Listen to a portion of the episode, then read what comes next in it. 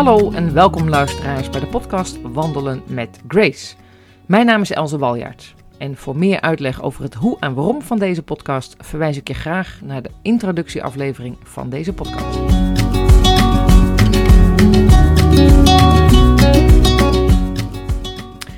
De tweede aflevering heeft als titel Wandelen ook als het leven tegenzit. Ik heb in de vorige podcast daar even kort bij stilgestaan. Bij het feit dat niet altijd alles meezit. Maar ik wil er toch nog even iets dieper op ingaan. Juist in deze onrustige tijd rondom COVID, corona en maatregelen en een maatschappij die best wel uit balans is. Het leven zit soms gewoon tegen. En dan hebben we het over wandelen is genieten van het onderweg zijn. Wat nou als het leven tegen zit? En dat kan allerlei oorzaken hebben: ziekte, ruzie, echtscheiding, je baan verliezen, financiële crisis, stress ervaren door de maatregelen, misschien geen eens een doel hebben in je leven. En dan ervaar jij het leven bepaald niet als genieten. Integendeel. Soms kan je dan in een neerwaartse spiraal terechtkomen van verslagenheid, van geen zin hebben om naar buiten te gaan, geen mensen willen ontmoeten, ongezond gaan eten, vereenzamen, veel of juist weinig slapen. Je krijgt jezelf niet van de bank af. Je bent moe. Het leven zit soms tegen en voor de een lijkt het leven meer hobbels te kennen dan de ander. En dat is oneerlijk. Maar het is wel een feit. Wat er dan overblijft, mits je niet echt in een depressie terecht bent gekomen, is het maken van keuzes. Je hebt de keuze om je gedachten te kiezen. Je hebt de keuze om in beweging te komen. Je kunt ervoor kiezen om je niet op de oorzaak te richten, of misschien te wijzen naar een schuldige, maar te kijken naar wat jij zelf wel kan doen binnen jouw mogelijkheden. Of met hulp van anderen als het jou even niet lukt, want ook dat is heel erg oké. Je gedachten kiezen is er één. En dan kan het helpen om datgene te lezen of naar te luisteren dat opbouwt en bemoedigt. Om te kiezen om om te gaan met mensen die positief in het leven staan en die jou aanmoedigen. In deze podcast het accent op wandelen. Bewegen blijft een uitermate geschikte manier om jezelf letterlijk in een ritme te krijgen. Om het leven op te pakken, om letterlijk onderweg te gaan. Wandelen wordt gebruikt om mensen die down zijn uit de put te halen. Wandelen wordt ook gebruikt om soms moedeloze jongeren als groep in beweging te krijgen en levenslessen te leren door de natuur en door het wandelen. Als groep en alleen. En ook als je er niet direct plezier aan beleeft, is wandelen belangrijk. De frisse lucht is goed voor je. De beweging is goed voor je conditie, voor je immuunsysteem. Wandelen maakt, zoals ik al eerder zei, dat er stoffen vrijkomen die je emoties positief beïnvloeden. En wandelen kan iets opleveren wat je presteert. En dat kan zelfvertrouwen geven. Wandelen kan je alleen doen als er om je heen juist te veel chaos is. Het dient dan om echt even tot rust te komen. En wandelen kan je natuurlijk ook met iemand samen doen als je juist vereenzaamt. Van je afpraten tijdens wandelen kan echt heel fijn zijn. Soms kan het omgekeerde ook fijn zijn. Samen naast iemand lopen en niet zeggen. De stilte horen, de natuur zien en ervaren hoe het is dat iemand langs zij loopt, meebeweegt in jouw ritme. Dat heel bewust ervaren doet goed. Er is iemand naast mij. Je kunt met je lichaam als het ware je ziel en je geest meenemen en aanmoedigen. Dat zien we ook terug in bepaalde gezegdes en uitspraken. Wij kennen de, de zin kop op, of rechte rug, of schouders recht. Dat is niet voor niets. Je kunt op die manier namelijk je ziel een aanmoediging geven. Zijn je problemen dan opgelost? Nee, dat zou makkelijk zijn. Ga wandelen en al uw problemen verdwijnen. Helaas. Maar een dagelijkse wandeling kan zeker helpen om ritme te krijgen of ritme vast te houden in je leven. Om stress te ontladen, om jezelf letterlijk in ontspannen beweging te houden. En vraag iemand om mee te gaan als je het alleen even niet ziet zitten. We zijn aan elkaar gegeven om elkaar te helpen, dus we hoeven ook niet alles alleen te doen. Als oefening probeer eens tijdens het wandelen 5 minuten echt goed rechtop te lopen. Schouders recht en ontspannen, armen langs zij en rustig meezwaaiend, hoofd rechtop, vooruitkijkend en dan een dappere passer inzetten. Misschien gaat het compleet tegen je gevoel in, maar het kan helpen om jezelf uit die dip te halen. Zet eens nou eens een vrolijk muziekje op. Of luister naar een podcast die opbouwt en bemoedigt. Of probeer te focussen op de natuur en wat er om je heen is. En wandel dan minstens een half uur, als dat fysiek mogelijk is. Hoe dan ook, probeer ritme in je dag te krijgen. En dat kan helpen door letterlijk elke dag te gaan wandelen.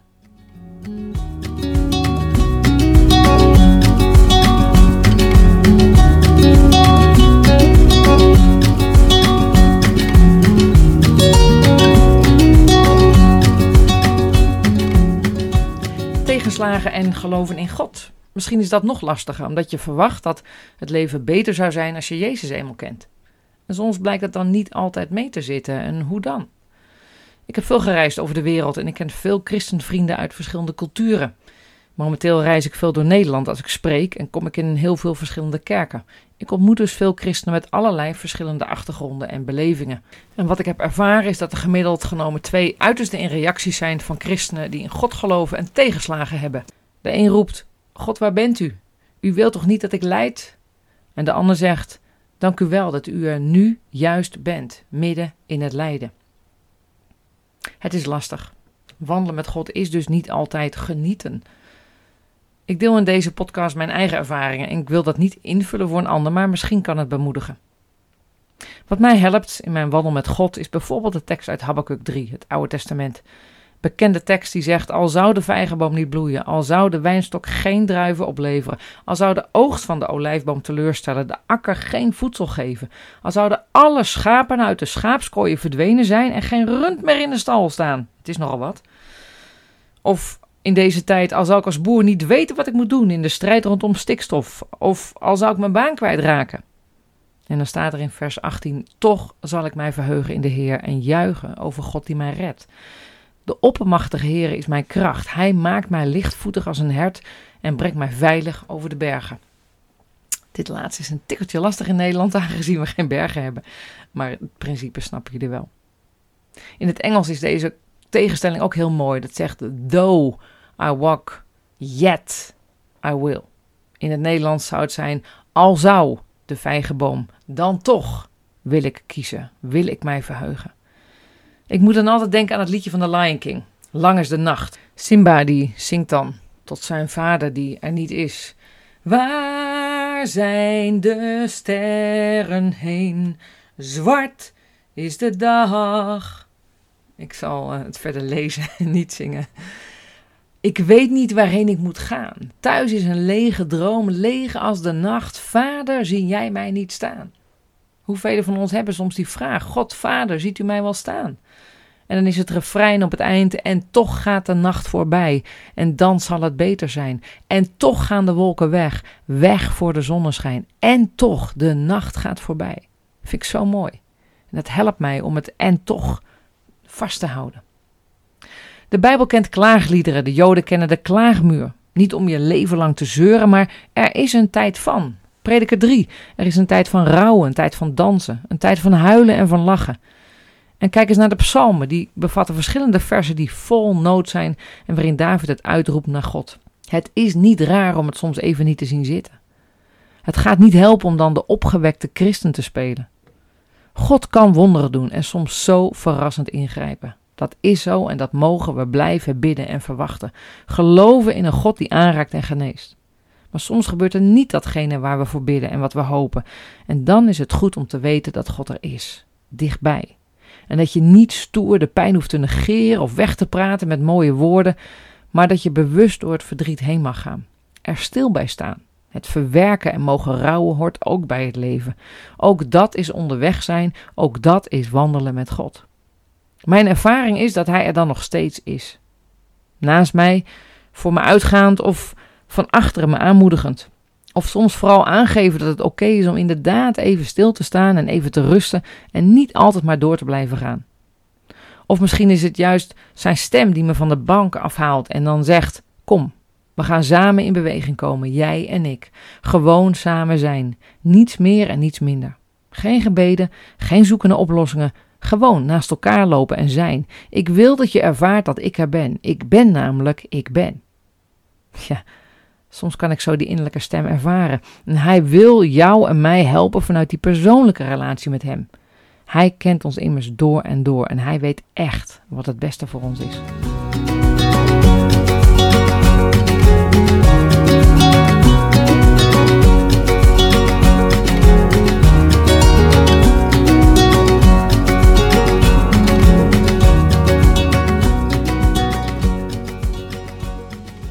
En ook hier geldt, net als bij de oefening van net, dat het lichaam kan helpen om je ziel en geest te verheffen. David zegt in Psalm 43: Waarom ben je zo te neergeslagen, mijn ziel? En dan zegt hij: Ik zal hem prijzen. In het Engels staat er: Why, my soul, are you downcast? En dan is het antwoord: For I will yet praise him. En toch zal ik hem prijzen. Er zijn verschillende manieren waarop we God kunnen aanbidden: door zang, door muziek, door juichen, door knielen.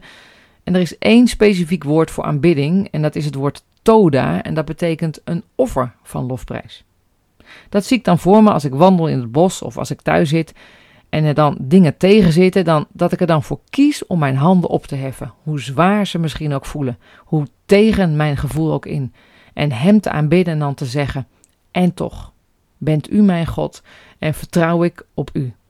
Of gewoon mijn handen te openen tijdens het wandelen of thuis. En aan te geven dat ik ervoor kies mijn leven open te stellen voor Hem en niet vast te houden. Een offer van lofprijs. Het kost me moeite. Het is geen blije aanbidding, maar een keuze van Hem erkennen als mijn God en Heer. Mijn kortste gebed is eigenlijk een vorm van aanbidding. Mijn kortste gebed is namelijk: Heer, help. Erkennen dat ik Hem nodig heb. Erkennen dat ik ook soms anderen nodig heb is ook belangrijk. We zijn niet geschapen om alles alleen te doen. We hebben elkaar nodig. In mijn wandel met Jezus, in mijn onderweg zijn met Hem, kan de wandeling soms moeilijk zijn. Heb ik geen zin, ben ik teleurgesteld, maar dan wil ik kiezen voor en toch. En dan wil ik leren om te zijn met Hem, juist in diepe dalen. Psalm 23. Al ga ik door een dal van diepe duisternis. Ik vrees geen kwaad, want u bent bij mij. Uw stok en uw staf die vertroosten mij. U richt voor mij een feestmaal aan voor de ogen van mijn vijanden. Mijn beker vloeit over. Ja, hel en goedheid zullen mij volgen al de dagen van mijn leven.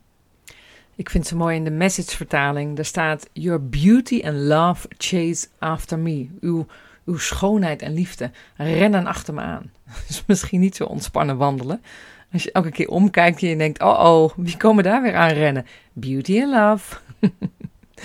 maar die geestelijke realiteit is natuurlijk prachtig. Dat goedheid en genade mij altijd volgen, alle dagen van mijn leven. Hoe gaaf is dat? En ook in tijden van moeite volgen ze mij. En het liefst wil hij op dat moment een uitgebreide tafel voor je dekken, om samen met jou een boterham te eten. Hij geniet van je, hij wil zo graag bij je zijn, hij wil troosten en bemoedigen. En het mooie is dat Psalm 23 dat aangeeft dat God het juist doet in onze dalen, waar het tegen zit. Dat hij juist daar rust wil geven door samen te eten. Hoe onlogisch, te midden van de vijanden. Kom, ik ga tafel dekken en wij gaan samen eten. En daarna weer samen op pad, het dal weer uit. Zo zou je als oefening, letterlijk tijdens een wandeling, een bankje kunnen opzoeken en misschien even tijd nemen om op te schrijven wat je moeite is. Wat je pijn is, wat je wanhoop is je teleurstelling, je boosheid. En dan dit briefje op te vouwen en als het ware symbolisch aan God te geven. Een prullenbak is dan, heel eerbiedig genoemd, het kruis. Jezus heeft immers alle afval van ons op zich genomen, alle pijn en moeite. Leg het terug bij Jezus. Neem de tijd. En als je weer gaat wandelen, begin dan met een zin en toch. En spreek dan uit wie God wel voor je is, in voor- en tegenspoed. Desnoods zeg je, Heer, alles zit tegen. En toch wil ik ervoor kiezen om u te vertrouwen dwars door alles heen. Al zou dan toch, wandel ik verder met u en mag ik ook even stilstaan. U bent erbij. Er is nog veel te zeggen over de voor- en tegenspoed in onze levens. Maar deze thema's komen vanzelf aan bod als we verder ingaan op het onderweg zijn met Jezus, op wandelen met Hem. Ik wil afsluiten met de tekst van dat mooie lied Al wat ik ben, leg ik in uw hand. En dan met name het tweede couplet. Dat zegt: Zo wandel ik heel dicht aan uw zij. Ook in mijn pijn vertroost u mij. En ik vertrouw op wat u belooft. Uw woord staat vast voor eeuwig. Jezus, ik geloof in u. Jezus, ik vertrouw op u. En de reden dat ik leef, de reden dat ik zing, de reden dat ik wandel, bent u alleen. Tot de volgende podcast.